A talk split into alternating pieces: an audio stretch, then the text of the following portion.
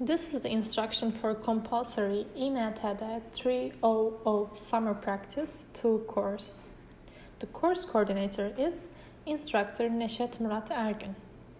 The content of this course is constituted of two different parts.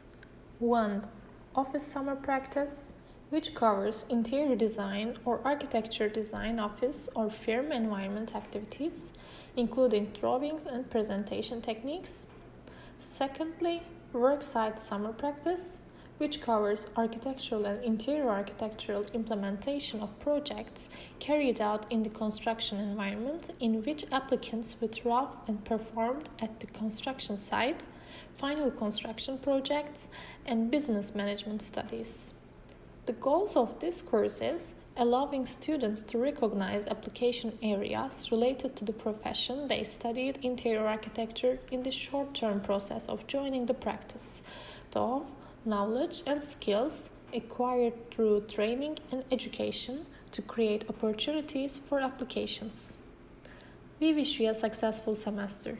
Good luck.